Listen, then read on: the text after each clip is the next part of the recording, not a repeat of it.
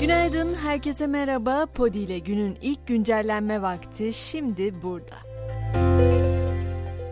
Malatya'da dün meydana gelen 5,6 büyüklüğündeki deprem sonrası akşam saatlerinde Adıyaman'ın Gölbaşı ilçesi 4,1 ile sallandı. Bölgede artçı sarsıntıların devam ettiğini hep konuşuyoruz ama sadece afet bölgesi değil neredeyse tüm Türkiye diken üstünde. Ege'de de dün akşam bir sarsıntı meydana geldi. İzmir Körfezi'nde saat 21.22'de yine 4,1 büyüklüğünde bir deprem oldu. Afet bölgesindeki deprem korkusu bir yana çıkan yangın da yürekleri ağza getirdi. Hatay'ın Antakya ilçesindeki plastik kasaların da bulunduğu Narenciye Soğuk Hava Deposu'nda çıkan yangın ekiplerin müdahalesiyle kontrol altına alındı.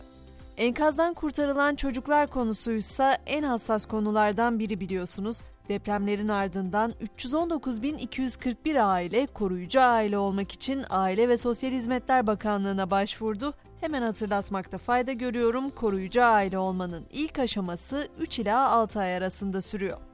Adalet Bakanlığı ise deprem ve salgın dönemlerinde ürün fiyatı ve kirada fahiş artış yapanlara 2 yıldan 5 yıla kadar hapis cezası öngören yasa için teknik çalışma başlatıldığını açıklamıştı. Açıklamanın akabinde Şanlıurfa'da fahiş fiyat uygulayan emlak ve nakliye şirketlerine 405 bin lira ceza uygulandı. Depremlerin toplam maliyeti ile ilgili son haberse Dünya Bankası'ndan Dünya Bankası depremlerin maliyetinin 34 milyar doları aşacağını belirtti. Böyle söyleyince hemen canlanmıyor olabilir kafamızda ama bu rakam Türkiye'nin milli gelirinin %4'üne karşılık geliyor. Açıklanan rapora göre toplam hasarın ise %53'ü konutlarda oluşmuş durumda.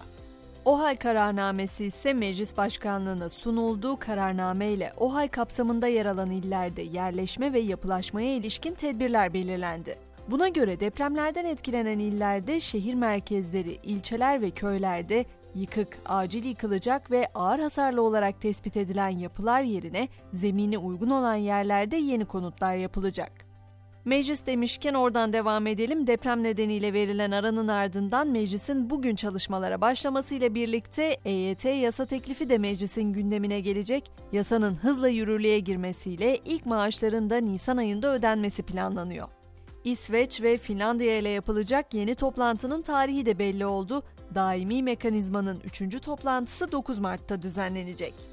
Hemen yargı koridorlarına da uzanalım. İstanbul'da 6 yaşındaki çocuğun istismarı ve evlendirilmesi skandalı ile ilgili ikisi tutuklu 3 sanığın yargılandığı davaya dün devam edildi. Gizlilik kararı nedeniyle basına kapalı görülen davada sanıkların tutukluluk halinin devamına karar verilerek duruşma 31 Mart'a ertelendi. Gelelim teknoloji dünyasına. Son yıllarda akıllı telefonlarda tasarımsal olarak ciddi bir yenilik gelmiyor. Bundan dolayı da telefon tasarımları birbirine benzemeye başlamıştı. Teknoloji firması Tekno, telefonunuzun rengini istediğiniz şekilde değiştirmenize olanak sağlayan bir sistem geliştirdi. 1600 farklı renk seçeneği kullanan cihazın renk değiştirmesini sağlayabilmek için küçük boyuttaki prizma materyalleri kullanılıyor. Anlaşılan o ki artık telefon kabı yerine doğrudan telefonun rengini değiştireceğiz. Kapaklarıyla adından söz ettiren Time dergisinin ise son sayısının kapağında bu kez ChatGPT yer aldı. Dönemin en önemli gelişmelerini kapağına taşıyan dergi bu kez dünyanın sıkça konuştuğu yapay zekalı sohbet robotunu seçti. Kapakta yapay zeka ile sohbet eden Time editörlerinin yazışmaları görülüyor. Ve deprem felaketi nedeniyle ara verilen spor müsabakaları hafta sonunda yeniden başladı. Başladı başlamasına ama iki Süper Lig maçında tribünlerde atılan hükümet istifa sloganları bir tartışmayı da beraberinde getirdi.